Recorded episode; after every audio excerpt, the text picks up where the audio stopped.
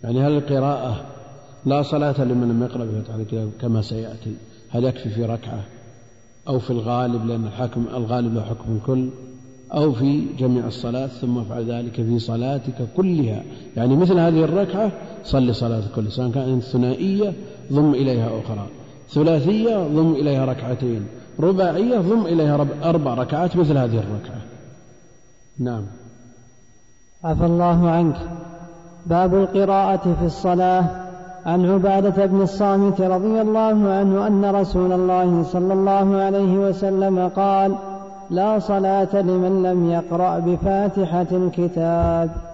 يقول المؤلف رحمه الله تعالى وعن عبادة بن الصامت رضي الله عنه أن رسول الله صلى الله عليه وسلم قال لا صلاة لمن لم يقرأ بفاتحة الكتاب. لا صلاة. لا نافية. للجنس جنس الصلاة.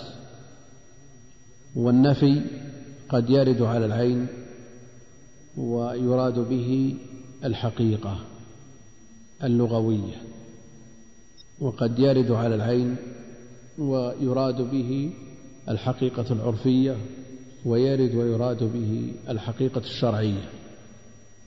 فإذا قلنا المنفي الحقيقة الشرعية للصلاة قلنا لا صلاة صحيح أو لا صلاة مجزئة مسقطة للطلب لأن صورة الصلاة التي لا تجزي لو افترضنا أن شخص جاء بالصلاة على وجهها بأركانها بواجباتها بسننها واطمأن فيها لكنها فقدت شرط هذه ليست بصلاة ليست بصلاة شرعية تخل في شرطها. هنا يقول لا صلاة. والنفي يرد ويراد به النهي وحينئذ يكون أبلغ من النهي الصريح. لو جاء لا تصلوا إلا بفاتحة الكتاب الأصل في الأمر الوجوب وقد يرد ما يصرفه إلى الاستحباب. لكن هنا نفي يعني هذه الصلاة وجودها مثل عدمه. لا تسمى هي مجرد حركات. لا صلاة لمن لم يقرأ بفاتحة الكتاب. فاتحة الكتاب هي أم القرآن وهي السبع المثاني. فلا تصح الصلاة بدونها. واختلفوا في من يلزمه قراءة الفاتحة. فأبو هريرة رضي الله عنه والبخاري والشوكاني يرون أن الفاتحة لازمة لكل مصل. لازمة لكل مصل. يعني الإمام والمأموم والمنفرد والمسبوق. فعلى هذا من جاء والإمام راكع. أو قبل أو قبل الركوع بحيث لا يتمكن من قراءة الفاتحة لم يدرك الركعة. لم يدرك الركعة. على هذا القول. فلا بد من قراءة الفاتحة الشافعية يرون أن الفاتحة تلزم كل مصل إلا المسبوق. أخرج المسبوق بحديث أبي بكرة حينما ركع دون الصف وأدرك. هذا رأي الإمام الشافعي. والحنابلة والمالكية يقولون تلزم الإمام والمنفرد. على خلاف بينهم في المأموم في السرية دون الجهرية فمنهم من يلزم بها المأموم في السرية ومنهم من يقول قراءة الإمام قراءة لمن خلفه. فلا تلزم المأموم أصلا لا في جهرية ولا في سرية. والحنفية يقول لا تتعين الفاتحة. ومنهم من يوجبها على أنها ليست بفرض ولا ركن في الصلاة تجبر بسجود سهو ومنهم من يقول يكفي ما تيسر من القرآن ولو غير الفاتحة وحصل مناظرات وإلزامات لبعض الحنفية لأنهم يجيزون الترجمة للقرآن بغير العربية ويجيزون قراءة ما تيسر. فلما صلى المصلي على مذهب الحنفية بين يدي محمود بن سبكتكين والقصة معروفة عند أهل العلم ومنهم من يشكك فيها. جاءوا بشخص توضأ بنبيذ. توضأ بنبيذ. تعرفون النبيذ؟ الماء الذي يمرس فيه شيء من التمر. وتصور عاد هذا النبيذ في وقت حار. ولبس جلد مدري والله عاد جلد كلب ولا غيره. مدبوغ. هذه إلزامات للحنفية. فجاء هذا وقال الله العظيم دوسابز وركع. دوسابز هذه وش ترجم المدهامتان. ترجم المدهامتان. واقرأ ما تيسر. مدهامتان آية من القرآن. وهذا اللي تيسر تجوز قراءته بالغير العربية. وجاء ونقر الصلاة على مذهب متأخر الحنفية. وتشوف المتوضي بنبيذ والحشرات والذبابين عليه. والخليفة السلطان يراه قال هذه صلاتكم الحنفية؟ قال قال واحد من الشافعية حاضرين قال نعم هذا مذهب ابن حنيفة. فكان حنفيا ثم صار شافعيا كسبوا بهذه الصلاة. ويغفلون عن أن الأئمة إذا اجتهدوا استفرغوا الوسع وهذا ما أدى إليه اجتهادهم. هم مأجورون على هذا لكن لا يرى أبو حنيفة أن الصلاة تؤدى بهذه الطريقة أبدا. يعني تجمع كل شواذ أبي حنيفة وشواذ أحمد وشواذ مالك. ما يمكن. نعم هذا لا يراه أحد. الصلاة مجتمعة بهذه الطريقة لا يمكن أن يراها أبو حنيفة. لكن لو قدر أنه توضأ بنبيذ أو مثلا فعل كذا أو كذا ممكن. ما تجمع الصلاة على هيئة على هذه الهيئة المخالفة للشرع من كل وجه هذا ما يرضى ما يرضى أبو حنيفة ولا غيره. لكن يسلك مثل هذا المسلك في المناظرات. تجد الخصم يجلب على خصمه بكل ما يملك من أسلوب وبيان للتنفير من الخصم وما يراه الخصم. لكن لو كان المراد من هذه المناظرات إصابة الحق على لسانه أو على لسان خصمه ما حصل مثل هذا. وعلى كل حال بعض الفقهاء يشكك في نسبة هذه إلى إمام الحرمين أو غيره. لا صلاة لمن لم يقرأ بفاتحة الكتاب. عرفنا المذاهب في قراءة الفاتحة. والخلاف الطويل في المأموم والنصوص هنا من أصح الأدلة في الصحيحين وغيرهما. لا صلاة لمن لم يقرأ بفاتحة الكتاب. والذين لا يرون القراءة على المأموم يستدلون بأدلة منها فإذا قرئ القرآن فاستمعوا له وأنصتوا. وفي حديث الائتمام وإذا كبر فكبروا إذا قرأ فأنصتوا إذا ركع فاركعوا المقصود أن الأدلة كثيرة جدا والمسألة من عضل المسائل. لكن وألف فيها أيضا القراءة خلف الإمام. وللإمام البخاري رحمه الله تعالى جزء القراءة خلف الإمام وللبيهقي جزء القراءة خلف الإمام. المقصود أن فيها مؤلفات والخلاف فيها قديم والأدلة المتعارضة تكاد أن تكون متكافئة والترجيح يكاد يكون بالقشة. كثير من الناس يستروح إلى ترجيح بعض الأقوال دفعا للحرج دفعا للحرج. بعض الناس يقول في التراويح مثلا أو في الصلاة الجهرية والإمام ما يتنفس يواصل القراءة وكثير من الناس ما يقدر يقرأ لو بغى يقدر ما ما استطاع ما يجمع الفاتحة بعض الناس والإمام يجهر. هذا صحيح واقع. لكن مثل هذا إذا عجز معذور. العاجز معذور. بعض الناس يقول الإمام ما يمكننا من قراءة الفاتحة. يركع قبل أن نقرأ. نقول هذا بحكم المسبوق. لكن يبقى أن الحديث نص صحيح صريح شامل لكل مصل. وإذا أخرجنا المسبوق بحديث أبي بكر يبقى الإمام والمأموم والمنفرد كلهم داخلون في هذا الحديث. وجاء ما يخص الفاتحة خلف الإمام. ما لي أنازع القرآن. علكم لعلكم تقرؤون خلف إمامكم.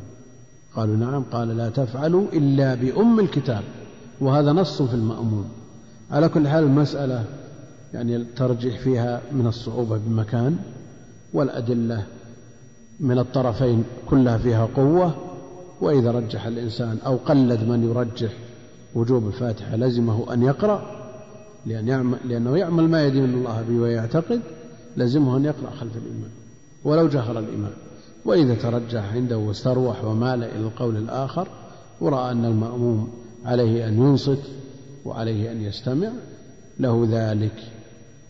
وجاء في حديث أبي هريرة من صلى صلاة لم يقرأ فيها بأم القرآن فهي خداج. خداج يعني ناقصة نعم. عفى الله عنك. وعن أبي قتادة الأنصاري رضي الله عنه قال كان النبي صلى الله عليه وسلم يقرأ في الركعتين الأوليين من صلاة الظهر بفاتحة الكتاب وسورتين يطول في الأولى ويقصر في الثانية يسمع الآية أحيانا وكان يقرأ في العصر بفاتحة الكتاب وسورتين يطول في الأولى ويقصر في الثانية وكان يطول في الركعة الأولى من صلاة الصبح ويقصر في الثانية وفي الركعتين الأخريين بأم الكتاب. يقول المؤلف رحمه الله تعالى عن أبي قتادة الحارث بن ربعي الأنصاري رضي الله عنه قال كان رسول الله صلى الله عليه وسلم يقرأ في الركعتين الأوليين من صلاة الظهر بفاتحة الكتاب في الركعتين بفاتحة الكتاب يعني في كل ركعة من الركعتين بفاتحة الكتاب. وسورتين يعني في كل ركعة بسورة يطول في الأولى ويقصر في الثانية. وجاء في بعض الروايات من أجل, من أجل أن يدرك المسبوق من أجل أن تدرك الصلاة يطول الأولى. فهذه سمة صلاة الظهر تطول كالصبح يطول في الأولى ويقصر في الثانية ويسمعون الآية أحيانا. نعم. في الصلاة السرية الأصل الإسرار فإذا أسمعهم الآية أحيانا فعل في النبي عليه الصلاة والسلام وامتثل السنة. فأحيانا يسمعهم الآية. لكن هل معنى هذا أن تكون القراءة جهرية لا. لو جهر في صلاة الظهر أو أسر في صلاة الصبح عند أهل العلم كره. كره ذلك. ولو كان ديدنه ذلك. لا يصلي الصبح إلا سرا ولا يصلي الظهر إلا جهرا. قلنا هذا مبتدع. هذا متعمد للمخالفة لمخالفة النبي صلى الله عليه وسلم فهو مبتدع. لكن لو فعله أحيانا أو نسي أو سهى ما عليه شيء. ويقصر في الثاني وفي الركعتين الأخريين بأم الكتاب فقط. وجاء ما يدل على أنه يقرأ في الركعتين الأخريين على النصف من قراءته في الركعتين الأوليين كما في صحيح مسلم. يطول في الركعتين الأوليين وفي الركعتين الأخريين على النصف. وفي الركعتين الأوليين من صلاة العصر كالأخريين من صلاة الظهر وفي الأخريين على النصف. فهذا يفعله النبي عليه الصلاة والسلام أحيانا. يقرأ في الركعتين الأخريين قدرا زائدا على الفاتحة. وأحيانا يقتصر على أم الكتاب كما هنا. وكان يطول في الركعة الأولى في صلاة الصبح ويقصر في الثانية تقصير نسبي. سمعنا هذا أنه يقرأ في الأولى سورة طويلة ثم يقرأ في الثانية من السور القصار لكنها أقصر من الأولى. والصلاة كما تقدم والتمثيل بصلاة الكسوف تطويل وتقصير تدريجي نسبي. وهذا سبق الكلام فيه فلا يعاد. يقتصر على الركعتين الأخريين بأم الكتاب. كان يقرأ أحيانا على النصف مما قرأه في الركعتين الأوليين. وثبت في الموطأ عن أبي بكر أنه كان يقرأ في الركعة الثالثة من صلاة المغرب ربنا لا تزغ قلوبنا بعد إذ هديتنا وهب لنا من لدنك رحمة إنك أنت الوهاب. هذا ثابت عن أبي بكر رضي الله تعالى عنه وأرضاه ولما جاء في الخبر ما يدل على أن المغرب وتر النهار أراد أن يدعو بهذه الآية في الركعة الثالثة تشبيها له بالوتر. ربنا لا تزغ قلوبنا بعد إذ هديتنا. جاء في حديث القصر أول ما فرضت الصلاة ركعتين فزيد في الحضر. فأقرت صلاة السفر وزيد في الحضر إلا الصبح فإنها تطول فيها القراءة وإلا, وإلا المغرب فإنها وتر النهار. ولذا كان أبو بكر رضي الله عنه يقرأ في الركعة الثالثة من صلاة المغرب ربنا لا تزغ قلوبنا بعد إذ هديتنا وهب لنا من لدنك رحمة إنك أنت الوهاب.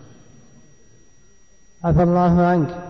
وعن جبير بن مطعم رضي الله عنه قال سمعت النبي صلى الله عليه وسلم يقرأ في المغرب بالطور. جبير بن مطعم بن عدي لما جاء إلى النبي عليه الصلاة والسلام في فداء الأسرى يكلمه عليه الصلاة والسلام في فداء الأسرى. فسمع النبي عليه الصلاة والسلام يقرأ في المغرب بسورة الطور. هذا قبل أن يسلم. حال كفره قبل أن يسلم فسمع النبي عليه الصلاة والسلام يقرأ في المغرب بسورة الطور ويقول وكان ذلك أول ما وقر الإيمان في قلبي. وجاء غير مسلم وصرف ولم يسلم لكنه بدأ الإيمان يدب إلى قلبه لأنه سمع كلام مذهل كلام مذهل. لا شك أن العربي الذي على سليقته لا يملك نفسه إذا سمع مثل هذا الكلام. بخلاف أحوال المسلمين الآن لا يتذوقون القرآن ولا يستشعرون عظمة القرآن وكأن القرآن كغيره من الكلام. القرآن عظيم هو كلام الله وثقيل أيضا. والنبي عليه الصلاة والسلام إذا أنزل عليه في الليلة شديدة البرد يتصبب عرقا من عظم ما يلقى إليه. إنا سنلقي إليك قولا ثقيلا ثقيل. فمن يستشعر هذه العظمة وهذا الثقل؟ من منا من يلقي بالا لقوله جل وعلا فإذا نقر في الناقور في أحد يلقي لها بال. والله عند كثير من المسلمين لا تحرك شعره ولا يستشعر لها شيء. وزرارة بن أوفى في صلاة الصبح لما سمعها مات بدون مبالغة ولا بتمثيل هذا ولا يمكن إنكاره. لأن بعض الناس إذا سمع مثل هذا الكلام قال ما هو بصحيح هذا تمثيل. وسبقهم إلى ذلك ابن سيرين رحمه الله. يقول الذي يصعق ويغمى عليه ويغشى عند قراءة القرآن يجعله فوق جدار. واقرأوا القرآن. إن طاح إن سقط فهو صادق. نعم. لكن ما هو بصحيح الكلام. هذا ثابت مقطوع به. وكثر في التابعين. وأقره أئمة الإسلام. لأن الإنسان قد يغلب على أمره. لماذا؟ لا شك أن القرآن عظيم وثقيل وأنزل على قلب قوي قلب النبي عليه الصلاة والسلام وسمعه الصحابة ومن أقوى الناس قلوب وأمتنهم ديانة. فإذا نزل القوي على شيء قوي صار له أثره العملي وتحمله ذلك القلب القوي. لكن بعدهم تستشعر عظمة القرآن وضعفت القلوب التي تحتمل هذه العظمة وهذه القوة فحصل ما حصل. ثم بعدهم خلف خلوف لا يستشعرون قوة ولا عظمة مع ضعف القلوب. قال لماذا لا يتأثرون؟ ما استشعروا شيء ما كان شيء يقرأ عليهم. ما بت أحيانا تدهاك مصيبة ما تملك نفسك تبكي. بل أحيانا تتصرف تصرفات لا تعرف لا تدري ما هي. لأن هذه المصيبة التي وقعت عليك أقوى من قلبك من مقاومة قلبك. فغلبتك. القلوب ضعيفة بلا شك بدليل أنه لو دها أي أمر من أمور الدنيا طاشت وضاعت. لكن أمر الدين لا يهم كثير من الناس ولذلك لا يؤثر فيهم. هذا وحال كفره تحمل هذا الخبر. فيجوز في حال التحمل أن لا تتوافر الشروط شروط قبول الرواية في حال التحمل. فيتحمل الكافر ويتحمل الطفل الصبي الصغير محمود. لما عقل المجة وابن خمس سنين رواها بعد ذلك فنقلت عنه.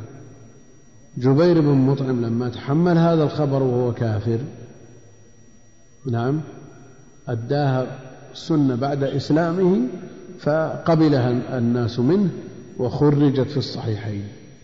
فالشروط إنما يطلب توافرها للأداء لا للتحمل لأنه إنما يحاسب عند قبول خبره. ومتى يقبل خبره؟ إذا أداه. يعني لو قال لك ثقة من الناس كان فاسق ثم تاب. ثم قال لك بعد توبته وبعد استقامته وبعد توافر الشروط أن كنا سمعنا من فلان قال كذا. تقول لا أنت سمعت لما كنت فاسق؟ خبرك مردود؟ لا أنت تحاسبها الآن. لأن المطلوب العدالة والضبط من أجل أن لا يكذب ولا يخطئ. نعم في حال فسقه يحتمل يكذب لكن بعد توبته واستقامة أمره لا يتصور هذا بعد إسلامه لا يمكن أن يكذب. فالتحمل بعد توافر الشروط. سمعت النبي عليه الصلاة والسلام يقرأ في المغرب بالطور. والطور من طوال المفصل. من طوال المفصل. لكن الخلاف بين أهل العلم فيما يقرأ في الصلوات الخمس وما يناسب كل صلاة مقصودهم الأمر الأغلبي فتطال صلاة العصر تطال صلاة الفجر تطال صلاة الصبح يقرأ فيها بين الستين والمئة. الظهر تطال أيضا كما في الحديث السابق والخلاف بينهم هل هي كالصبح أو مثل الفروض الثلاثة يقرأ فيها من أوساط المفصل معروف. لكن أكثر من وصف صلاة النبي عليه الصلاة والسلام الظهر ذكر أنه يطيلها. العصر والعشاء من أوساط المفصل المغرب من قصار المفصل. هذا أغلبي وإلا فقد ثبت النبي عليه الصلاة والسلام قرأ في المغرب بالطور وثبت أنه قرأ الأعراف وثبت أنه قرأ الزلزل في صلاة الصبح.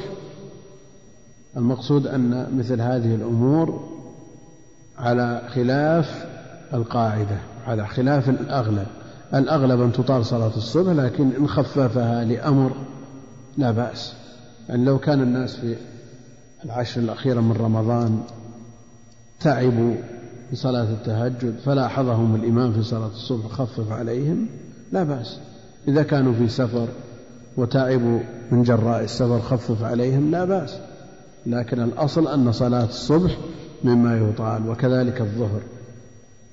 وصلاة المغرب جاء فيها سورة الطور وجاء فيها الأعراف لكن هي من الصلوات القصيرة التي ينبغي أن تقصر القراءة فيها. والسبب أن الناس بعد كد النهار وكدحهم نعم تنبغي مراعاتهم.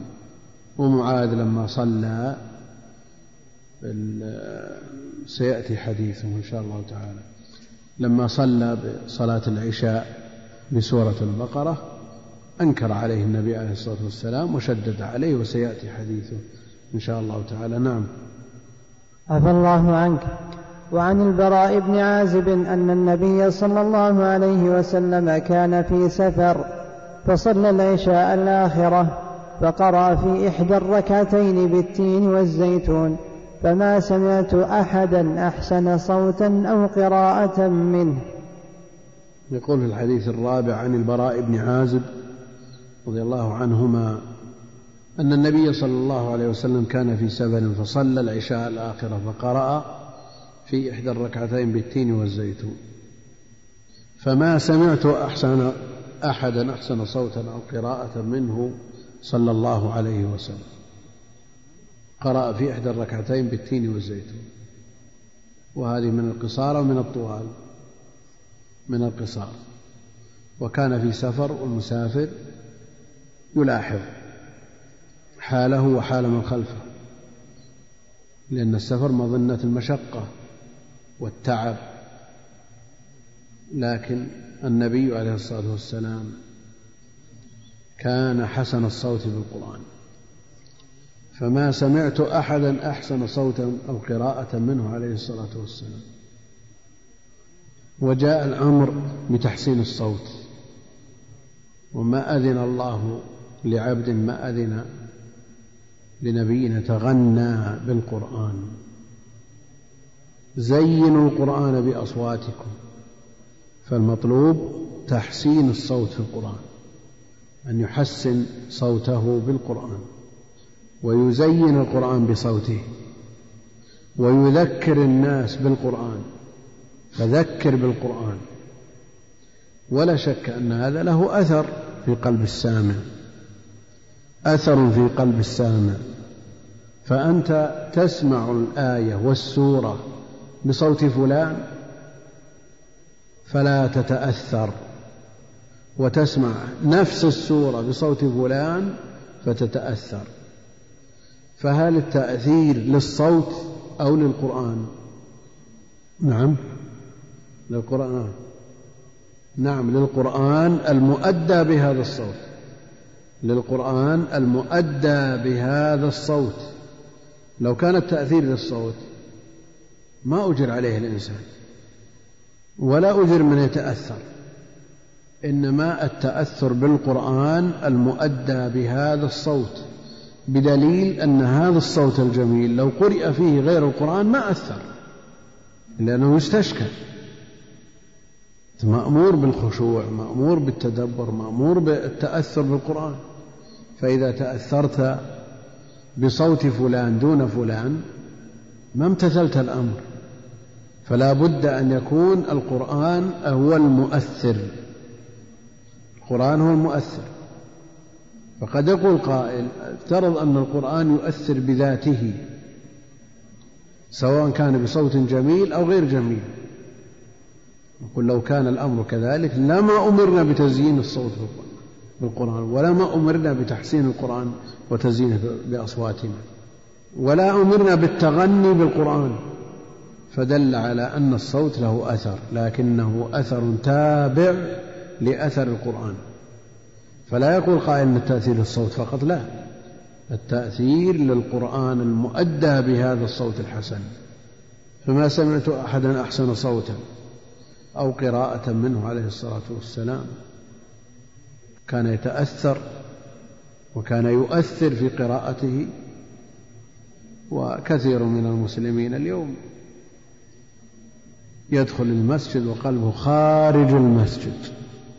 يعني لو صلى ركعة واحدة أو عشر ركعات ما في فرق. لو قرأ آية أو قرأ سورة طول أو قصر ما في فرق. بل العكس بعض الناس إذا طول الإمام صار فيه مجال لأن يسرح فيك في ويتجول بذهنه في أماكن ومواقع متعددة. الله المستعان. ولا واعظ مثل القرآن. وجاء الأمر بالتذكير بالقرآن فذكر بالقرآن من يخاف وعيد. نعم. عفى الله عنك.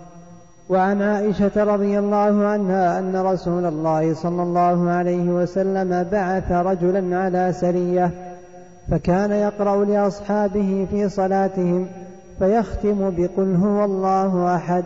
فلما رجعوا ذكروا ذلك لرسول الله صلى الله عليه وسلم فقال سلوه لأي شيء يصنع ذلك؟ فسألوه فقال لأنها صفة الرحمن عز وجل. فأنا أحب أن أقرأ بها. فقال رسول الله صلى الله عليه وسلم أخبروه أن الله تعالى يحبه. في هذا الحديث عن عائشة رضي الله عنها أن رسول الله صلى الله عليه وسلم بعث رجلا على سرية يعني أمره عليهم فكان يقرأ لأصحابه في صلاتهم فيختم بقل هو الله أحد. إذا قرأ الفاتحة وقرأ السورة قرأ قل هو الله أحد. اجتهادا منه وحبا لهذه السورة التي تشتمل على صفة الرحمن. اجتهاد منه من غير نص. وهذا سائغ في وقت التنزيل والتشريع.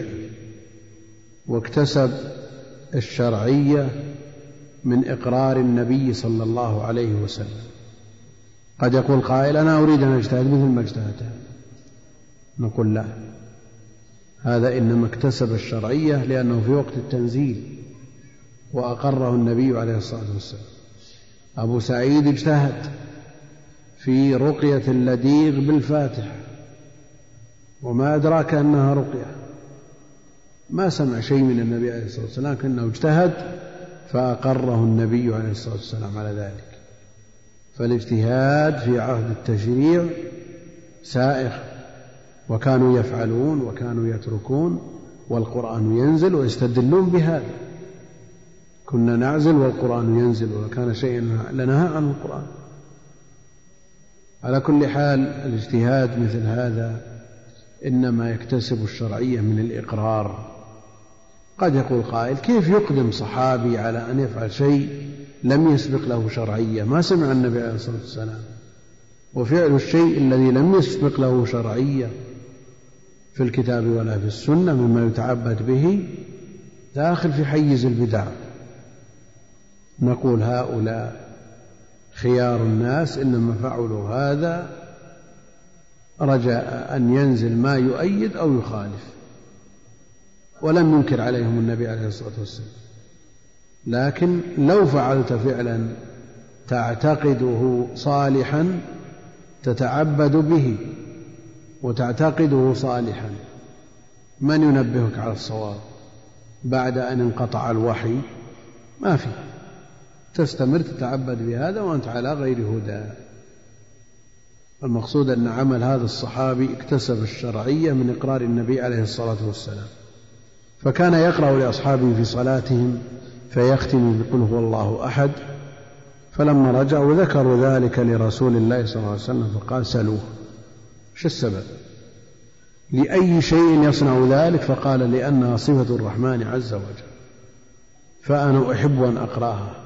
يعني هل مجرد محبة الشخص يبرر له أن يفعل شيء لم يسبق له شرعية؟ لا ما يكفي. أولئك في عصر التنزيل ولو كان فعلهم غير لائق شرعا أو مما ينهى عنه لنهوا عنه ولكنه يكتسب الشرعية من الإقرار. لأي شيء يصنع ذلك؟ فقال لأنها صفة الرحمن عز وجل. صفة الرحمن المذكور في سورة الإخلاص. قل هو الله أحد. هل هي أسماء أو صفات؟ نعم. أسماء وصفات نعم. أسماء وصفات. قل هو الله أحد الله الصمد. هذه إيش؟ أسماء.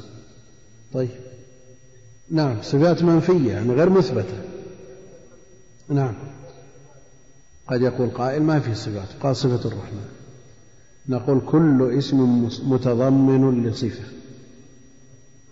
كل اسم متضمن لصفة فالأسماء يشتق منها الصفات ولا عكس. الأسماء يشتق منها الصفات لكن لا عكس الصفات لا يشتق منها أصلا. فدائرة الأسماء أضيق من دائرة الصفات ودائرة الصفات أضيق من دائرة الإخبار. ولذا يختلفون في مثل قوله عليه الصلاة والسلام إن الله طيب. إن الله وتر هل هي صفات أو أسماء؟ نعم صفات. هل تقول عبد الطيب أو عبد الوتر؟ ما تقول لأن ليست أسماء. وإن قال بعضهم أنه يمكن أن يؤخذ من, من هذين الحديثين أسماء لله جل وعلا. ولو استطردنا في إثبات الأسماء بمثل هذه النصوص للزم عليه أن نقول بما قال أهل الظاهر أن الدهر من أسماء الله جل وعلا. هذا مجرد إخبار. لأنها صفة الرحمن عز وجل فأنا أحب أن أقرأها. أحب أن أقرأها. وفي هذا حث على تعلم وقراءة وفهم ما جاء في الأسماء والصفات. نعم. هذا في غاية الأهمية.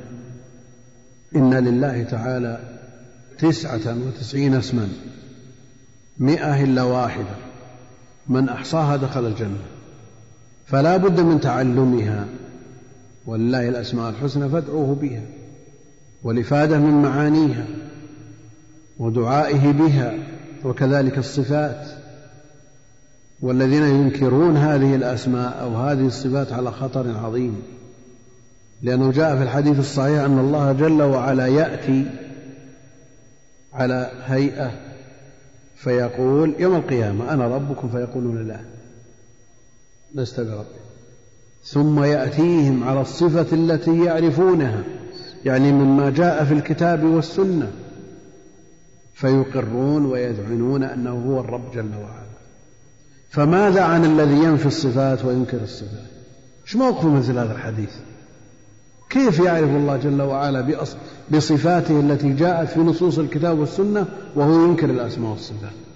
أو الصفات فقط. هذا خطر عظيم. فحب الصفة يجعل الإنسان يبحث عن هذه الصفات ويعرف معاني هذه الصفات وما يليق بالله جل وعلا وما يجب له وما يستحيل في حقه. وهذا هو الفقه الحقيقي. يعني ما عبث إنك تقول إن لله جل وعلا تسعة وتسعين اسما من أحصاها. إيش معنى الإحصاء؟ ومجرد أن تحفظها في قصيدة وترددها؟ لا تعرف معانيها ولا تدعو الله بها ولا ولا تستعظم عظمة ولا تستحضر عظمة الله جل وعلا من خلالها؟ ما تستفيد. إذا لأن الإحصاء له معنى غير العدد. من طاف أسبوعا يحصيه. هل معنى أنه يعد سبعة سبعة أشواط. لا. يحصيه يحضر قلبه فيه. هذا معنى الإحصاء. بعضهم يقول الأسماء الحسنى مئة. والحديث إن لله تسعة وتسعين اسما مئة إلا واحد. من أحصاها دخل كلامه صحيح ولا مو بصحيح؟ الذي يقول مئة. يقول مئة كاملة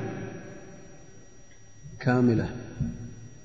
كلامه صحيح ولا ولا هي تسعة وتسعين؟ الأسماء الحسنى تسعة وتسعين ولا مئة؟ ولا مئة؟ كيف؟ في هذا الحديث أنا أقصد من خلال هذا الحديث. ولا مئة؟ بعض العلماء أخذ من هذا الحديث أنها مئة. ولفظ الجلالة تماما. تسعة وتسعين للمسمى بهذا الاسم الذي هو الله. فإذا أضفنا لفظ الجلالة إلى التسعة وتسعين صارت مئة. هذا قول لبعض أهل العلم لكن الجمهور على أن الحديث يدل على أن له تسعة وتسعين اسما. هي الموصوفة بهذا الوصف والموعودة محصيها بهذا الوعد. وأما أسماء الله جل وعلا لا يمكن إحصاؤها ولا يمكن الإحاطة بها لأن في الحديث الصحيح أو استأثرت به في علم الغيب عندك يعني فيه من الأسماء ما لا يعرفه أحد. فأنا أحب أن أقرأها. فقال رسول الله صلى الله عليه وسلم أخبروه أن الله تعالى يحبه وفي لفظ حبك إياها أدخلك الجنة. وفي الحديث إثبات المحبة لله جل وعلا. إثبات المحبة لله جل وعلا على ما يليق بجلاله وعظمته وفيه أيضا مشروعية الجمع بين السور. بدليل الإقرار النبي عليه الصلاة والسلام ما جمع وهذا الصحابي جمع. فهل نقول أن مثل هذا الصحابي اكتسب المشروعية من الإقرار وكونه يحب أيضا قدر زائد على مجرد القراءة وأدخله حبه إياها الجنة؟ أن نفعل هذا أو لا نفعل لأن الرسول صلى الله عليه وسلم لم يفعل. ولم يكن الله ليختار لنبيه إلا الأكمل. نقول نعم فعله أكمل عليه الصلاة والسلام وهذا يدل على الجواز. فمن فعل فلا إشكال ومن ترك اقتداء به عليه الصلاة والسلام أيضا فهو الأصل. نعم. عفى الله عنك. وعن جابر أن النبي صلى الله عليه وسلم قال لمعاذ فلولا صليت بسبح اسم ربك الأعلى والشمس وضحاها والليل إذا يغشى فإنه يصلي وراءك الكبير والضعيف وذو الحاجة. نعم هذا حديث جابر رضي الله عنه في قصة معاذ. كان معاذ بن جبل الصحابي الجليل يصلي مع النبي عليه الصلاة والسلام العشاء ثم يرجع إلى قومه فيصلي بهم فيصلي بهم العشاء. وهذا الحديث عمدة من يقول بصحة صلاة المفترض خلف المتنفل. والمذهب عند الحنابلة كما تعرفون لا تصح صلاة المفترض خلف المتنفل لكن هذا الحديث عمدته وعند أبي العباس ذلك جائز لفعل معاذ مع صحابة أحمد. يصلي بهم نفلا وهم ذو فريضة وقد كان صلى الفرض خلف محمد. صلى معاذ بقومه ليلة فافتتح البقرة. صلى معه شخص معه نواضحه. فلما افتتح البقرة فلما افتتح البقرة نوى الانفراد وانصرف صلى وانصرف. فتناوله معاذ ووصف هذا الرجل بالنفاق فشكاه إلى النبي عليه الصلاة والسلام. شكى معاذ إلى النبي عليه الصلاة والسلام. فقال النبي عليه الصلاة والسلام أفتان أنت يا معاذ؟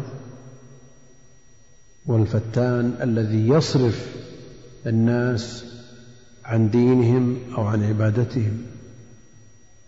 الذي يفتن الناس ويصرفهم عن دينهم. هذه هي الفتنة. والفتنة أشد من القتل لأنه بالقتل يخسر الدنيا وبالفتنة يخسر الدين. وكل كسر فإن الدين جابره. وليس لكسر قناة الدين جبران. الإنسان أن يعنى بدينه ويهتم بدينه وأما دنياه ما يأتي تبعا لذلك فمطلوب منه أن لا ينسى نصيبه من الدنيا. لكنه خلق للعبودية أفتان أنت يا معاذ تصرف؟ والفتنة تطلق على الشيء الكبير والصغير. كادت أن تفتنني الخميصة. الخميصة التي أهداها أبو جهيم له. كادت أن تفتن. إنما أموالكم وأولادكم فتنة. فكل ما يشغل فتنة. لكن هناك فتن دون فتن. وفتنة معاذ أراد أن يصرف هذا الرجل المسلم التعبان من جراء العمل. كاد أن يفتنه ويصرفه عن صلاته. ثم وجهه عليه الصلاة والسلام بأن يقرأ فلولا هلا عرض صليت بسبح اسم ربك الأعلى والشمس وضحاها والليل إذا يغشى لماذا؟ فإنه يصلي وراءك الكبير والضعيف وذو الحاجة. وهؤلاء بحاجة إلى مراعاة. أيكم أما الناس فليخفف. فإذا صلى أحدكم لنفسه فليطول ما شاء. فليطول ما شاء. فيصلي الكبير والضعيف وذو الحاجة وهم بحاجة إلى مراعاة. والكبير والضعيف أيضا بحاجة إلى مراعاة من جهة أخرى. قد تكون مراعاة الضعيف والكبير بعدم العجلة في الصلاة في التأني في الركوع والسجود لأنه لا يتمكن. من أن يسجد بسرعة أو يقوم بسرعة. فالمحافظة على مثل هذا مطلوب من الأئمة أن لا يضجروا المصلين ويمللوهم ويكرهوهم في الصلاة ويصرفوهم عنها ويفتنونهم. نعم. وأن لا يسرعوا سرعة تخل بالمأمومين فالضعيف والكبير بحاجة أيضا للمراعاة ولد الحاجة أيضا يجب أن يراعى.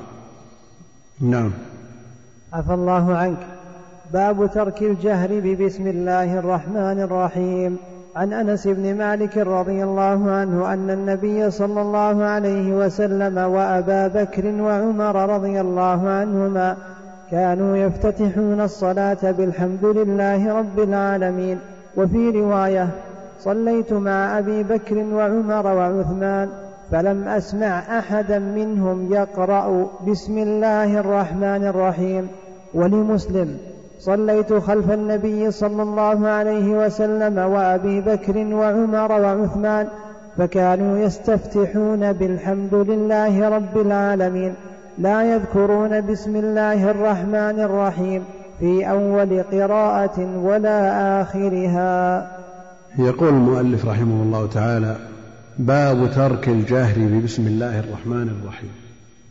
باب ترك الجهر في النهاية في آخر الحديث يقول لا يذكرون لا يذكرون. ما قال باب ترك الذكر بسم الله الرحمن الرحيم؟ قال باب ترك الجهر ببسم الله الرحمن الرحيم. ثم أورد حديث أنس بألفاظه. أن عن أنس بن مالك رضي الله عنه أن النبي صلى الله عليه وسلم وأبا بكر وعمر رضي الله عنهما كانوا يفتتحون الصلاة بالحمد لله رب العالمين. الصلاة إنما تفتتح بالتكبير والقراءة بالحمد لله رب العالمين وهذا تقدم. تفتتح الصلاة بتكبيرة الإحرام وهي مفتاح الصلاة. ثم بعد ذلك بعد التكبير وقبل القراءة في سكوت كما في حديث أبي هريرة. أرأيت سكوتك قبل التكبير والقراءة؟ ما تقول؟ قال أقول اللهم باعد بيني وبين خطاياي إلى آخر دعاء الاستفتاح. ثم بعد ذلك القراءة. وهذه القراءة تفتتح بالحمد لله رب العالمين. تفتتح بهذه السورة. وفي رواية صليت مع أبي بكر وعمر وعثمان فلم أسمع. أحدا منهم يقرأ بسم الله الرحمن الرحيم وصلاته خلف النبي عليه الصلاة والسلام مدة عشر سنوات وخلف أبي بكر وعمر وعثمان خمس وعشرين سنة. يصلي وراءهم ما سمع منهم أحدا يقرأ بسم الله الرحمن الرحيم. خلال خمس وثلاثين سنة. صليت مع أبي بكر وعمر وعثمان فلم أسمع أحدا منهم يقرأ بسم الله الرحمن الرحيم.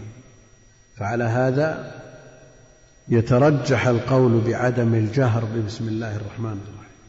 لأن هذا الصحابي الملازم الخادم للنبي عليه الصلاة والسلام ما سمعه يقرأ بسم الله الرحمن الرحيم ولا يمنع من عدم سماعه عدم ذكرها سرا.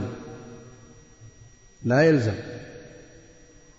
اللهم إلا الرواية التي فيها وكانوا يستفتحون الصلاة بالحمد لله رب العالمين لا يذكرون بسم الله الرحمن الرحيم في أول قراءة ولا في آخرها. وهذه الرواية التي تنفي ذكر البسملة هي مبنية على فهم الراوي للروايات السابقة. لما قال أنس يفتتحون الصلاة بالحمد لله رب العالمين فهم الراوي أنهم لا يذكرون بسم الله الرحمن الرحيم. يعني لا جهرا ولا سرا. فروى الحديث على حسب فهمه. روى الحديث على حسب فهمه. وأعل الحديث بذلك. أعل الحديث بذلك. ومثل به لعلة المتن. يقول الحافظ العراقي رحمه الله تعالى وعلة المتن كنفي البسملة. إذ ظن راوي نفيها فنقله. ظن الراوي أنها لا تذكر. يفتتحون القراءة بالحمد لله رب العالمين. إذا لا تذكر بسم الله الرحمن وفي هذا حجة لمن يقول الرواية الأخيرة حجة للمالكية الذين لا يرون ذكر البسملة. إنما يقول الله أكبر الحمد لله رب العالمين. والحنفية والحنابلة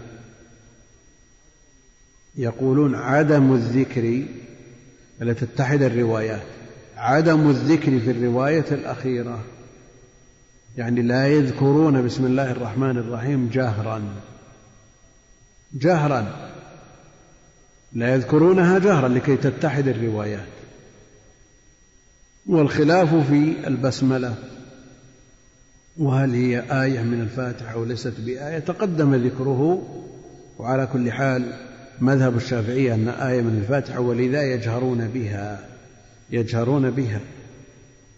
وأكثر الروايات على عدم الجهر وعدم الذكر يحمل على عدم الجهر وجاء ما يدل على الجهر بها. لكن من أصرح الأدلة التي يستدل بها على عدم الجهر مثل هذا الحديث وحديث قسمت الصلاة بيني وبين عبدي نصفين فإذا قال العبد الحمد لله رب العالمين. ما قال إذا قال بسم الله الرحمن الرحيم. حمدني عبدي وإذا قال الرحمن الرحيم قال أثنى علي عبدي وإذا قال مالك يوم الدين قال مجدني عبدي. والخلاف في المسألة في الذكر وعدمه في الجهر والإسرار تقدم بسطه قبل هذا الموضع. والله أعلم وصلى الله وسلم وبارك على عبده ورسوله نبينا محمد وعلى آله وصحبه أجمعين. السلام عليكم ورحمة الله وبركاته. هذا يقول ذكرت أن لبس النعل في الصلاة مرة تحقق السنة والمخالفة اليهود فهل صيام اليوم التاسع من محرم مرة واحدة في العمر يحقق المخالفة؟ النبي عليه الصلاة والسلام داوم على صيام عاشوراء ولم يثبت عنه أنه داوم على الصلاة في النعل بل صلى حافيا ومنتعلا يقول ما صفة وضع اليدين على الصدر في الصلاة؟ يقبض يده اليسرى باليمنى ويضعهما على صدره. يقول هل القيام للجنازة واجب أم على الاستحباب؟ جاء الأمر به وجاء تركه. فمن أهل العلم من يرى أن الترك نسخ ومنهم من يقول إنه صرف للنهي أو للأمر من الوجوب إلى الاستحباب. يقول أفضل طبعة لصحيح البخاري يركز عليه غير الطبعة ذات الحجم الكبير. ندري إذا كان القصد السبب الحجم هذه مشكلة لأن مسألة الحجم سهل بالنسبة إلى الفائدة العظمى المرجوة من هذه الطبعة التي هي أفضل الطبعات. يقول هل يلزم طالب العلم أن يتتبع الحديث أن يتتبع الحديث في جميع مصادره وكل كتاب خرجه وكل من رواه في مسنده وسننه أم ماذا؟ إذا كان الحديث في الصحيحين أو في أحدهما أو جمع من طرقه ما يصحح به فالقدر الزائد زيادة خير إن شاء الله لكن ليس بلازم. يجمع من طرقه ما يصح بها فإذا وصل إلى درجة الصحة فإن عورض يجمع من الطرق ما يرجح به على معارضه وإلا فلا يلزم أن يخرج الحديث من عشرة مصادر عشرين مصدر عشرين طريق ما يلزم. إذا صح انتهى الإشكال. يقول المستدرك للحاكم رحمه الله أي طبعة من طبعاته هي الأسلم؟ لا يوجد طبعة سليم لكن كل هذه الطبعات مفرعة عن الطبعة الهندية. في أربعة مجلدات كبار هي الأصل لكل هذه الطبعات. يقول لماذا يدلس بعض الأئمة وهو معروف بإمامته؟ تدليس له أغراض فالأغراض الحاملة عليه مختلفة من شخص إلى شخص. منهم من يدلس للتفنن ومنهم من يدلس للاختبار والامتحان. منهم من يدلس لتغطية أمر الراوي إلى غير ذلك. هل يعتبر التدليس من التورية؟ لا التدليس في الأصل غش. غش. متى يوقع الإمام التكبير عند جلسة الاستراحة؟ إذا إذا قام من الجلسة إلى القيام. إذا كبرت لسنة راتبة بعد الصلاة ثم كبر الإمام لصلاة الجنازة هل تكمل السنة أم تقطعها للصلاة على الجنازة؟ ثم تأتي بالسنة الراتبة بعد ذلك. على كل حال هذه مفاضلة بين سنن.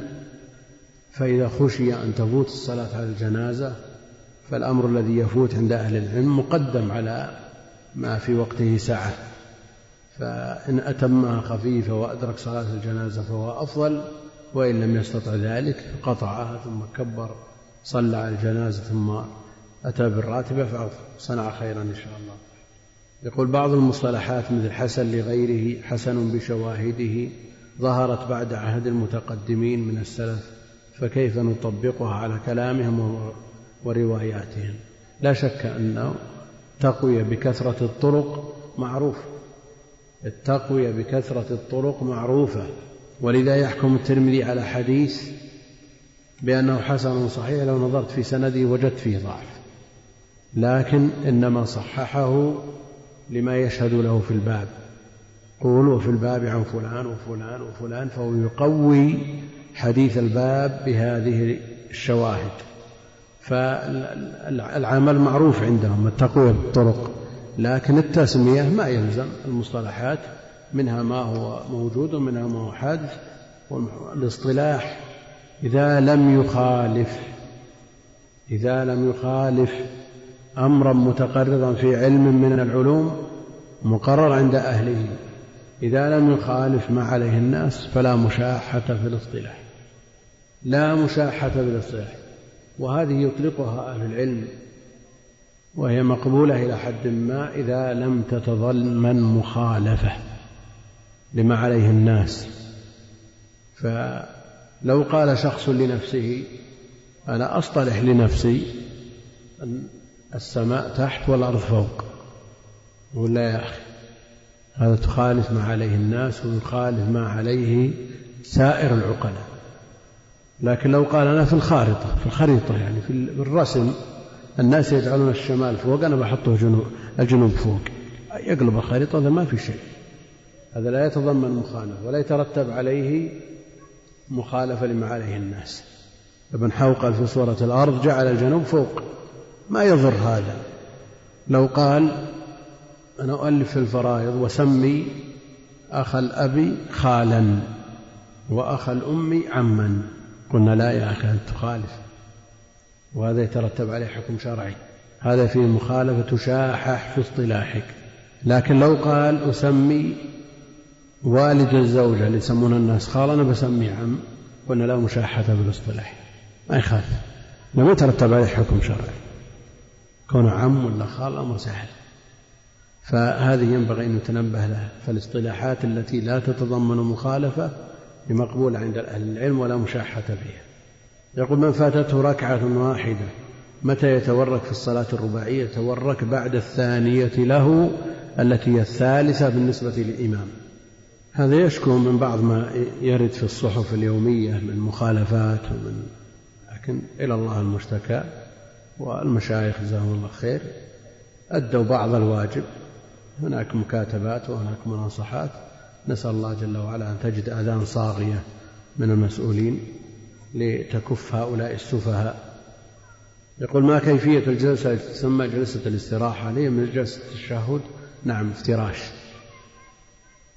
افتراش.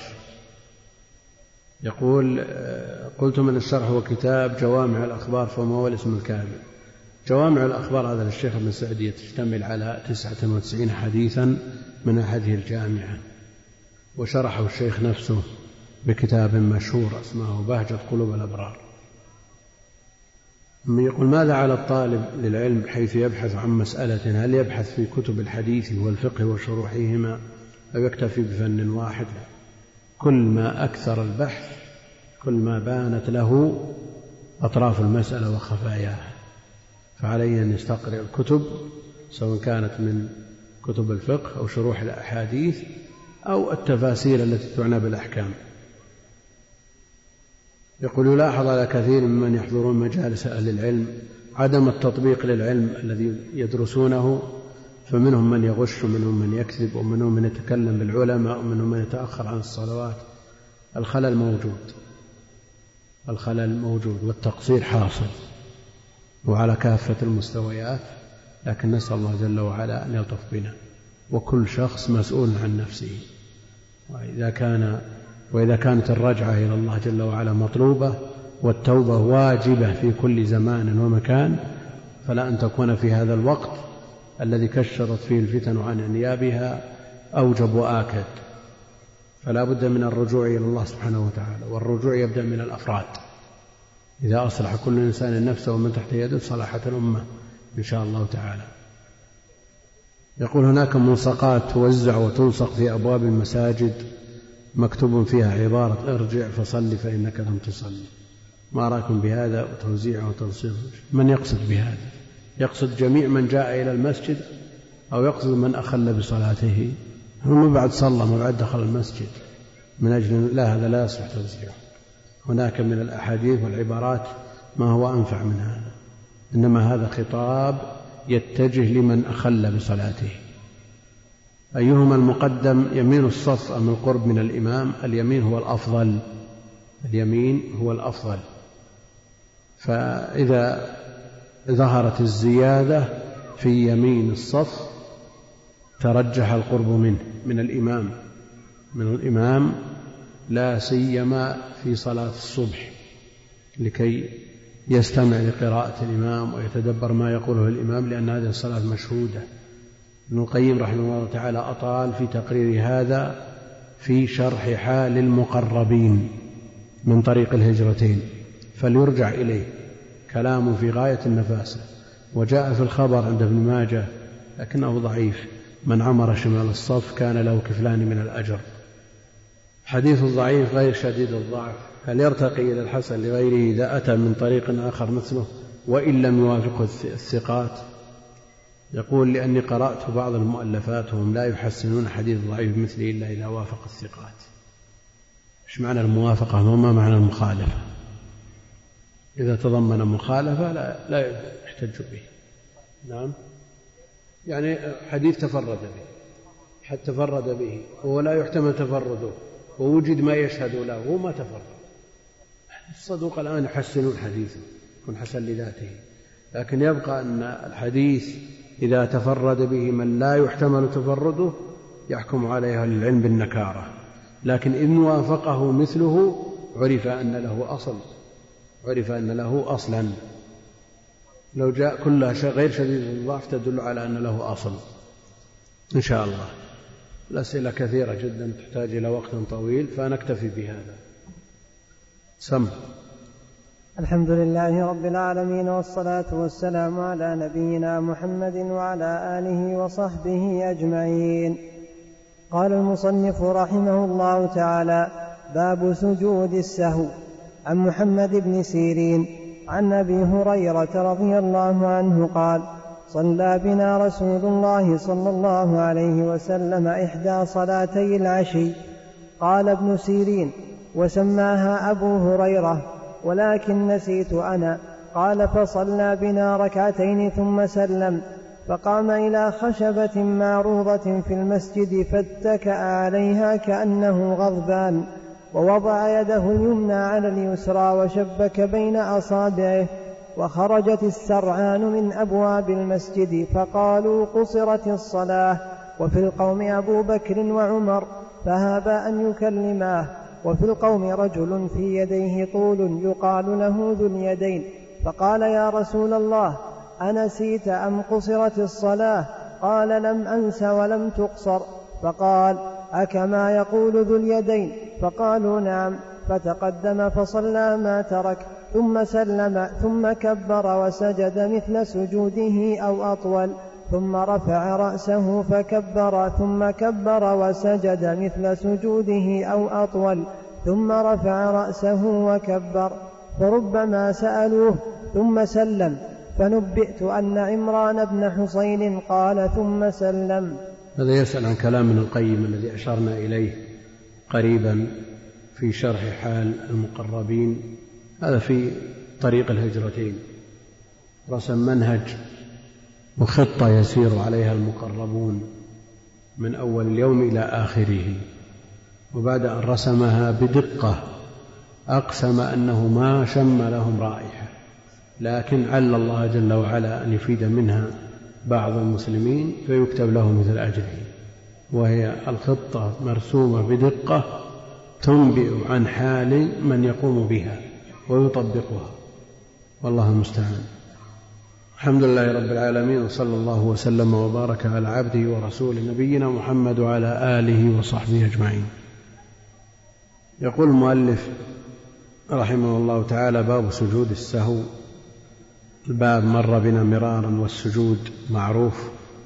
الهيئة المعروفة المعهودة في الصلاة وإضافة السجود إلى السهو من إضافة المسبب إلى سببه فالمسبب هو السجود وسببه السهو في الصلاة والسهو والغفلة والنسيان أمور متقاربة جدا السهو والغفلة والنسيان كلها عزوب ذكر الشيء عن القلب.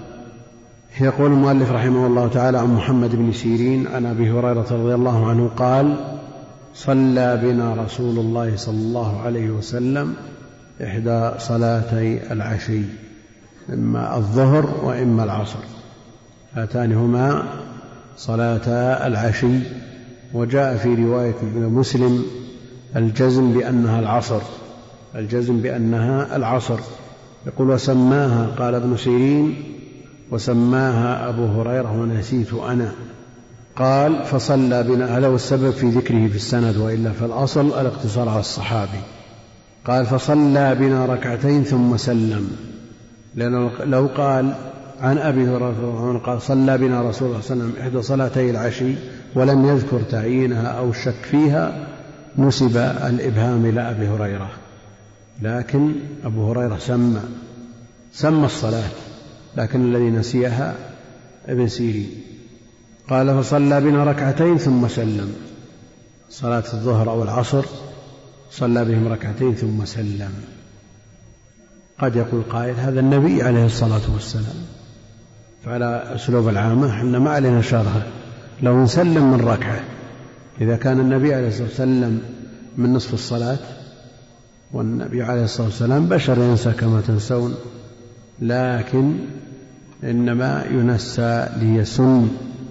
يعني لو لم يقع مثل هذا متى يتبين الحكم؟ من نعم الله جل وعلا وفي هذا سلوى للمسلمين أن نسي النبي عليه الصلاة والسلام في صلاته. والمسلمون ينسون كغيرهم وجاء الحث على أن يعقل المسلم صلاته. ويحرص على ذلك لكن لا يمنع من وقوع السهو في الصلاة. والإشكال في السهو عن الصلاة. أما السهو في الصلاة فهو حاصل من النبي عليه الصلاة والسلام. حتى ذكر بعض أهل العلم الخلاف في الشخص الذي يحصل يحصل منه ويقع منه السهو في صلاته والذي لا يقع منه السهو البتة. أيهما أفضل؟ أيهما أفضل؟ وإذا لاحظنا أن بعض الناس إذا كان منفرد أو مأموم كثر السهو عنده والغفلة. وإذا صار إمام تمر السنين ما سهى ولا غفل. هذا يوضح لنا مأخذ الخلاف. نعم لماذا لا يسهو إذا كان إمام وإذا كان مأموم أو منفرد لا يحضر قلبه. نعم.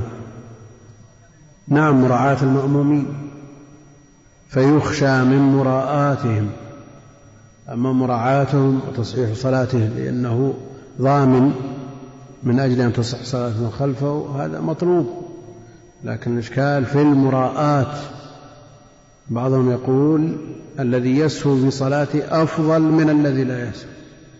لماذا؟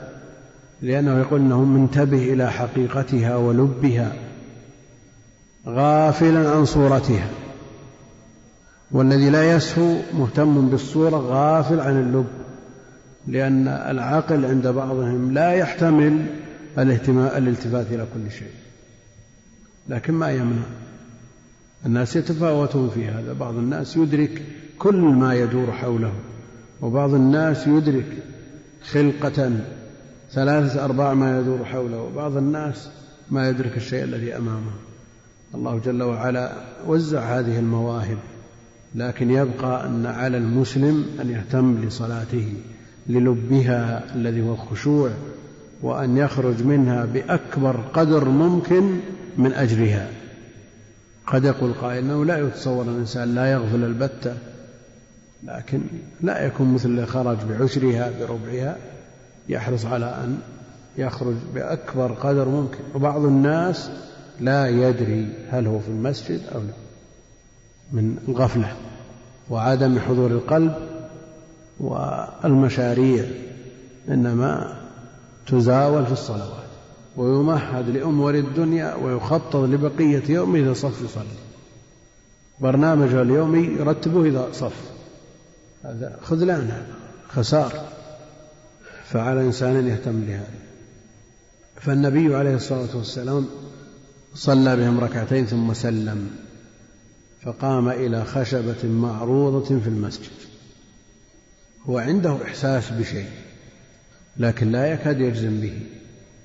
فقام إلى خشبة معروضة في المسجد فاتكأ عليها كأنه غضبان كأنه غضبان يعني وضعه وضع الغضبان. لكن هل يغضب النبي عليه الصلاة والسلام إلا إذا انتهكت محارم الله جل وعلا؟ لا. لكن الصحابة توقعوا للأمر الذي أهمه شيء يجول في نفسه كأنه غضبان. يتوقعون هذا.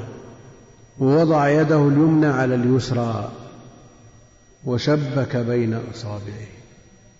كيف وضع يده اليمنى على اليسرى وشبك بين أصابعه؟ هذا وضع اليد اليمنى على اليسرى معروف لكن شبك بين أصابعه ما هو في آن واحد أول الأمر وضع اليمنى على اليسرى ثم شبك بين أصابعه. هذا يحتمل. وشبك بين أصابعه. تشبيك بين الأصابع مكروه في الصلاة وقبل الصلاة لقاصد الصلاة لأنه في صلاة منتظر الصلاة. مكروه لكن بعد الانتهاء من الصلاة لا بأس. فعله النبي عليه الصلاة والسلام. شبك بين أصابعه. لأنه انتهى من الصلاة. أما داخل الصلاة وقبل الصلاة حال انتظار الصلاة فلا. مكروه. طيب شخص انتهى من صلاته وأراد أن ينتظر الصلاة التي تلي انتهى من صلاة المغرب وبيجلس إلى صلاة العشاء. يقول النبي عليه الصلاة والسلام لما فرغ من الصلاة شبك بين أصابعه. فهل نقول أنت فرغت من الصلاة شبك أو نقول ما دمت تنتظر الصلاة فأنت في الصلاة فلا تشبك. وهل في حكم التشبيك المكروهات الأخرى في الصلاة فرقعة بين أصابع وبعض الحركات المكروهة في الصلاة؟ يعني سلم بده يطلق إصابعه نعم. يقول ما دام شبك وهذا مكروه فرغنا من الصلاة انتهينا. هذا الحكم واحد؟ أما من ينتظر الصلاة فهو منهي عن التشبيك. نعم مكروه أن يشبك بين أصابعه لا في الصلاة ولا في انتظار الصلاة. وما بعد ذلك فالأمر فيه سعة إلا لمن ينتظر الصلاة.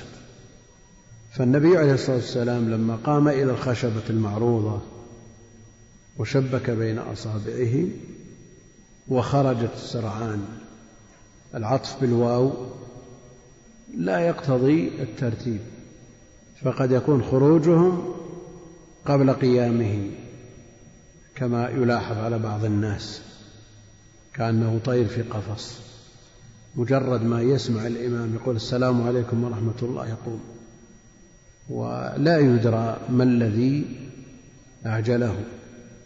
هل هناك حاجة لهذا القيام؟ لا بأس لكن في الغالب أنه لا حاجة. وقل مثل هذا في الذين يمشون يجوبون الشوارع في سياراتهم بسرعة متناهية. طيب واحد من الفضوليين يقول بدي بس أشوف هل طاير شو بيزين. لو وصل بيته. وش ما هذا الأمر الذي يفوت؟ وقل مثل هذا في من إذا سلم الإمام قام. يوحي بعدم الرغبة في الخير. بعدم الرغبة في الخير.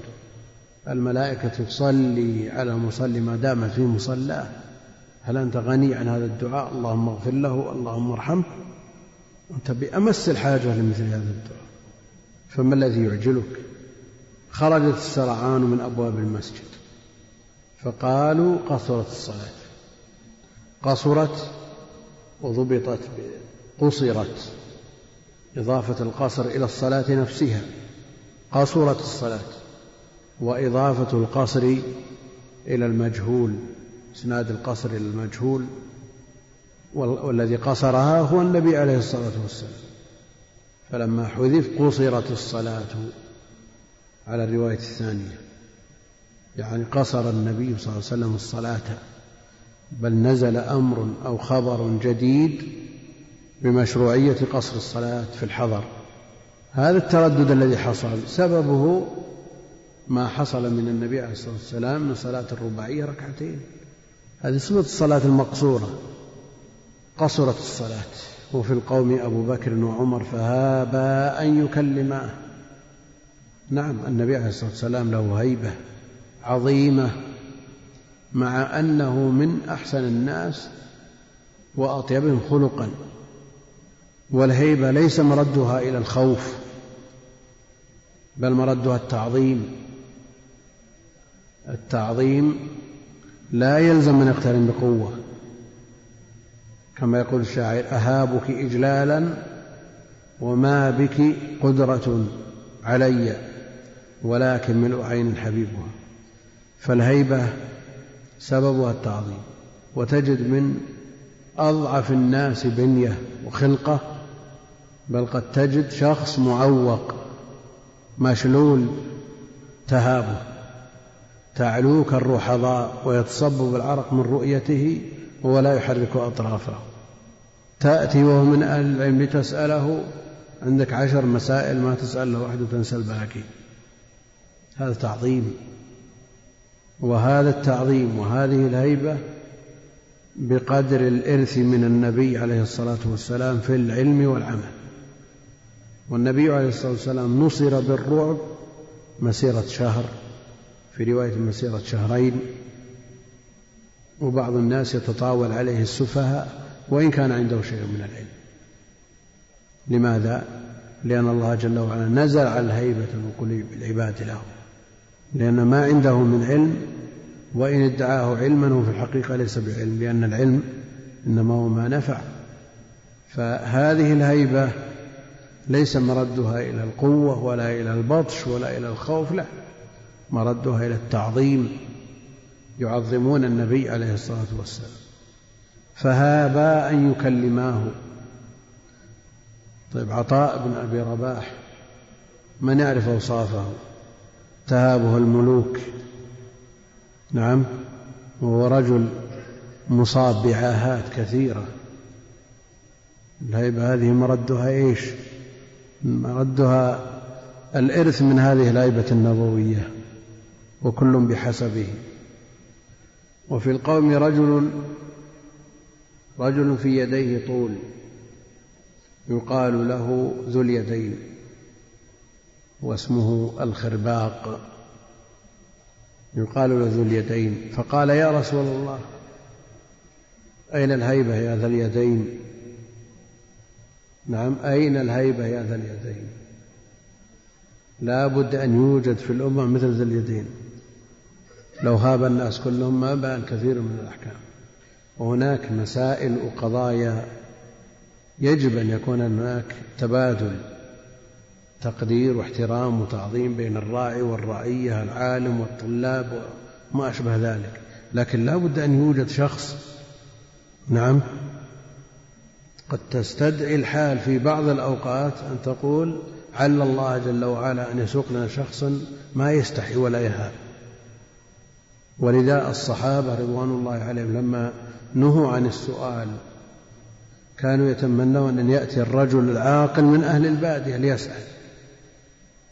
هناك قضايا يتتابع عليها الناس. هيبة لمن يرتكب هذا الأمر أو تقديرا وتعظيما له واستحياء منه ثم يأتي شخص ما عليه من أحد. نعم الحياة لا يأتي إلا بخير لكن الخجل الذي يمنع من إنكار بعض الأمور. تقول لعل الله جل وعلا أن يبعث شخص في عرف الناس ممن لا يستحي يقول مثل هذا الكلام. فوجود مثل هؤلاء تجعل الإنسان يحسب لهم حساب يحسب لهم حساب.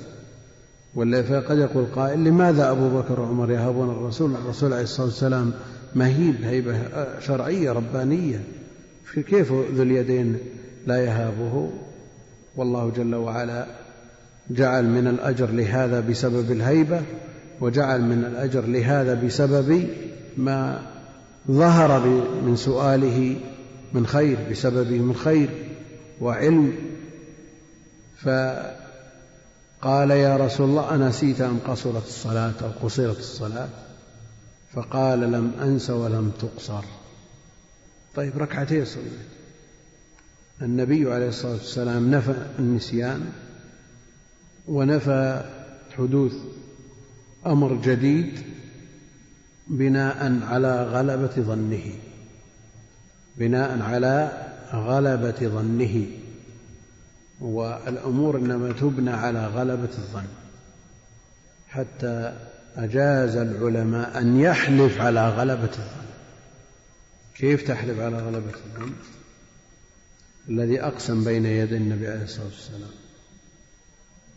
والذي بعثك بالحق ما بين ليبتيها أفقر مني؟ هل يجزم بأنه بحث عن البيوت بيوت المدينة بيتا بيتا وجزم وقطع أنه لا يوجد حج منه؟ هذا بناء على غلبة ظنه كثير من الناس يتوقع أنه في حالة لا يوجد أسوأ منه حالا فيغلب على ظنه ذلك. وهنا النبي عليه الصلاة والسلام قال لم أنس ولم تقصر.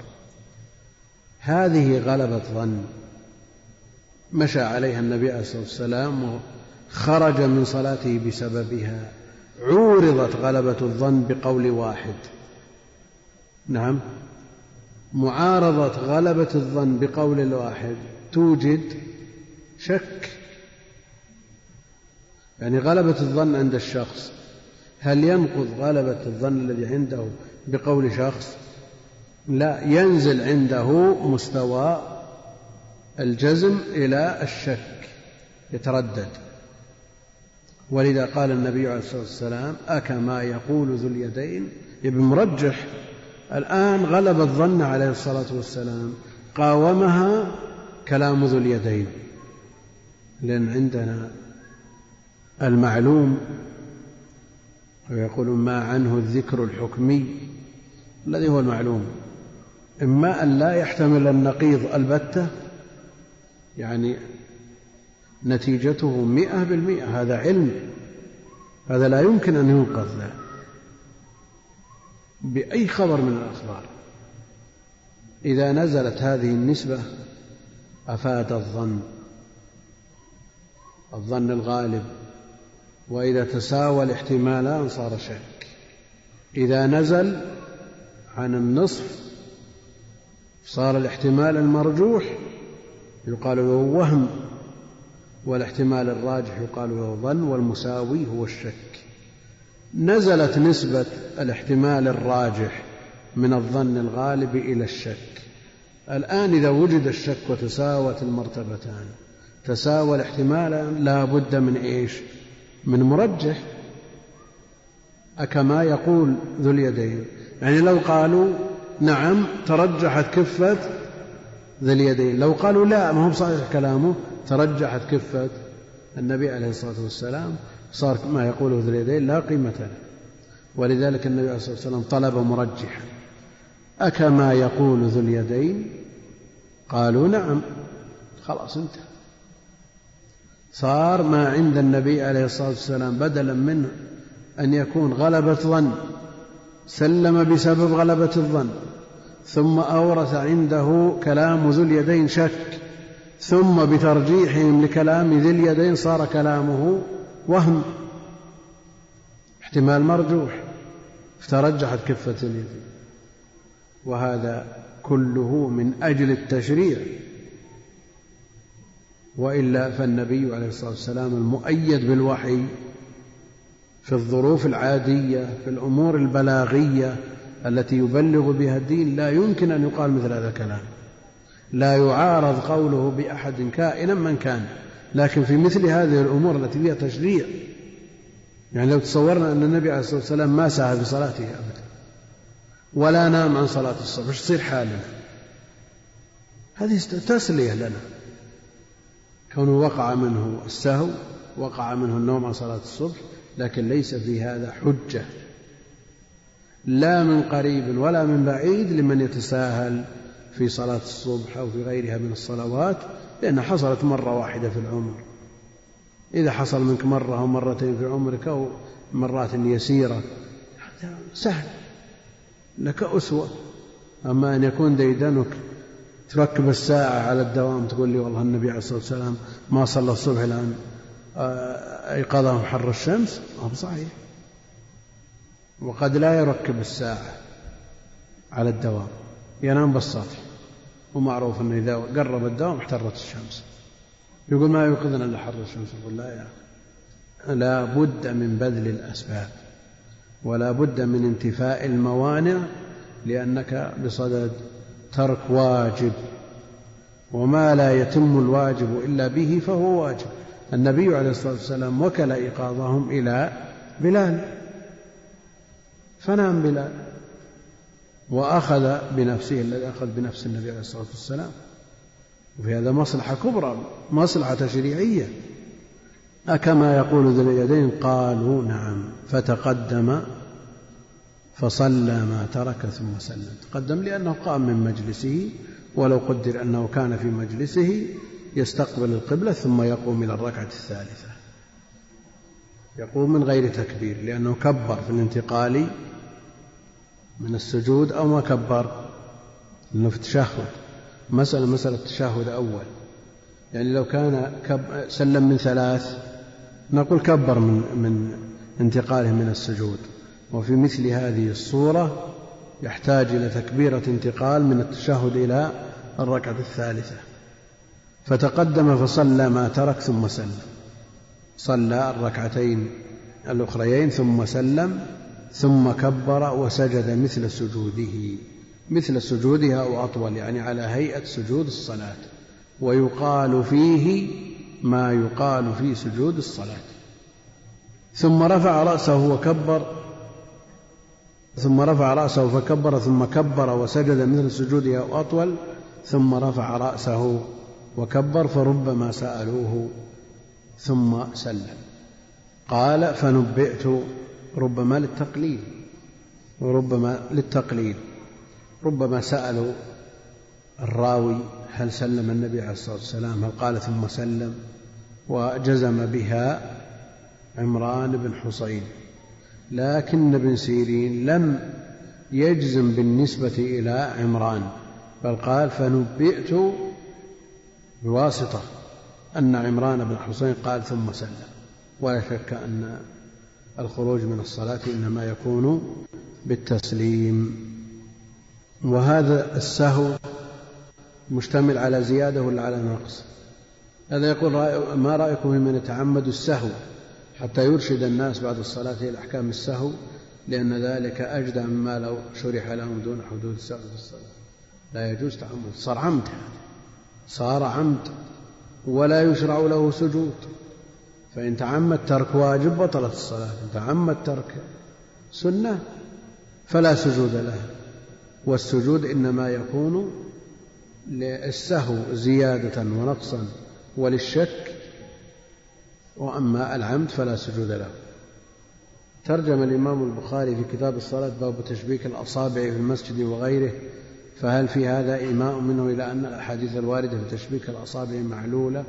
التشبيك المطلق الذي لا ارتباط له بالصلاة لا يثبت لكن التشبيك في الصلاة وفي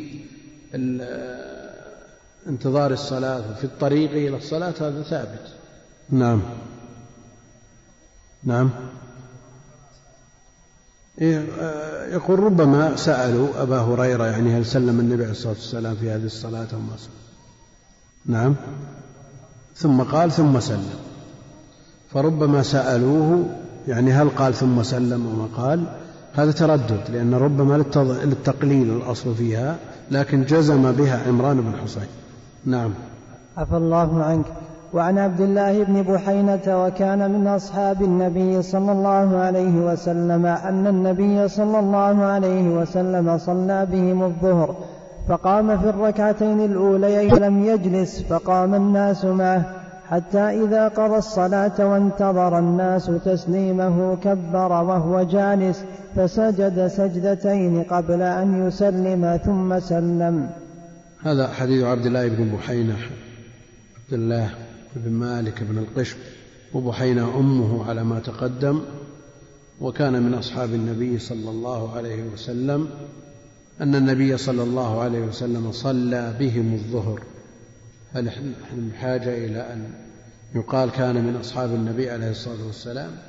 وقد صلى خلفه الظهر ما لا حاجة. لكن هو تصريح بما هو مجرد توضيح. أن النبي عليه الصلاة والسلام صلى بهم الظهر فقام في الركعتين الأوليين ولم يجلس. يعني التشهد الأول. ما جلس في أثناء الصلاة في منتصفها فترك الجلوس وذكره الذي هو التشهد الأول. ولم يجلس فقام الناس معه. قام الناس معه. حتى إذا قضى الصلاة وانتظر الصلاة الناس تسليمه كبر وهو جالس فسجد سجدتين قبل أن يسلم ثم سلم. إذا ترك التشهد الأول قام نسي التشهد الأول وقام. أهل العلم يقولون إذا لم يستتم قائما يلزمه الرجوع يلزمه الرجوع. وإذا استتم قائما كره الرجوع. وإذا شرع في القراءة شرع في القراءة حرم الرجوع حرم الرجوع. وهنا استتم قائما عليه الصلاة والسلام فلم يرجع أو شرع في القراءة والأمر آكد. على كل حال النبي عليه الصلاة والسلام لم يرجع لم يجلس وقام الناس معه. حتى إذا قضى الصلاة وانتظر الناس تسليمه كبر.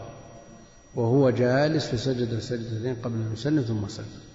في حديث ذي اليدين السجود بعد السلام وفي حديث عبد الله بن بحينة السجود قبل السلام.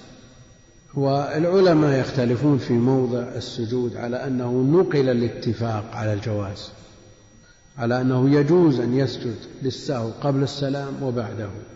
نقل الإجماع على هذا لكن الخلاف في الأفضل. الخلاف في الأفضل. فالحنفية عندهم السجود كله بعد السلام السجود كله بعد السلام. فلا يجمع إلى الخلل الذي حصل في الصلاة زيادة على ما شرعه الله فيها في الأصل. فهذه الزيادة ينبغي أن تكون جابرة لما حصل من خلل في الصلاة كالنافلة التي بعد الصلاة. تجبر الخلل. فموضع السجود حينئذ يكون بعد السلام وهذا رأي الحنفية. الشافعية يقولون الأفضل في السجود كله أن يكون قبل السلام. أخي المستمع الكريم تابع ما تبقى من مادة هذا الشريط على الشريط التالي.